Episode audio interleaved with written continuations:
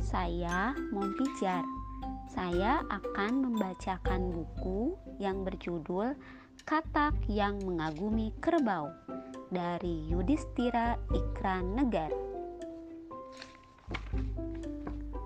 Di sebuah danau hiduplah sebuah keluarga katak. Di antara katak-katak itu terdapat seekor katak yang tubuhnya paling besar dibandingkan dengan katak yang lain. Ia biasa dipanggil Tuan Besar. Pagi itu, semua katak sedang pergi untuk mencari makan. Hanya seekor katak kecil saja yang masih tinggal.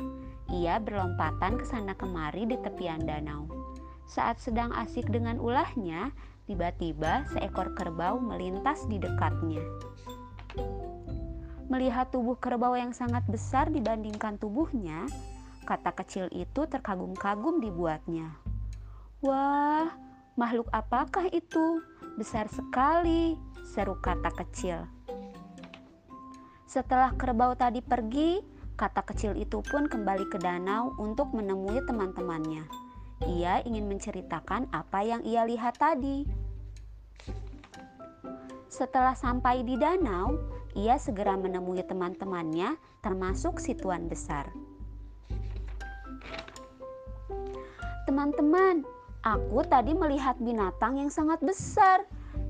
Celotehnya girang. Memang binatang apa yang kamu lihat tadi? Tanya teman-temannya. Hmm, aku juga tidak tahu namanya. Yang jelas, dia sangat besar, bahkan lebih besar dari tuan besar. Ujarnya bersemangat. Tuan besar yang penasaran dengan apa yang diceritakan oleh kata kecil langsung menyahut. Benarkah? Sebesar apa dia? Pokoknya besar sekali, jawab kata kecil. Tuan besar makin penasaran. Dia tidak mau tersaingi. Tuan besar langsung menghirup udara sebanyak mungkin dan menggembungkan tubuhnya. Apakah dia sebesar ini? Tanya Pak Big. Wah, kurang besar tuan besar, kata kaca kecil. Katak yang lain pun terkejut. Tuan besar yang semakin penasaran dan tak mau kalah kembali menggembungkan dirinya lebih besar lagi.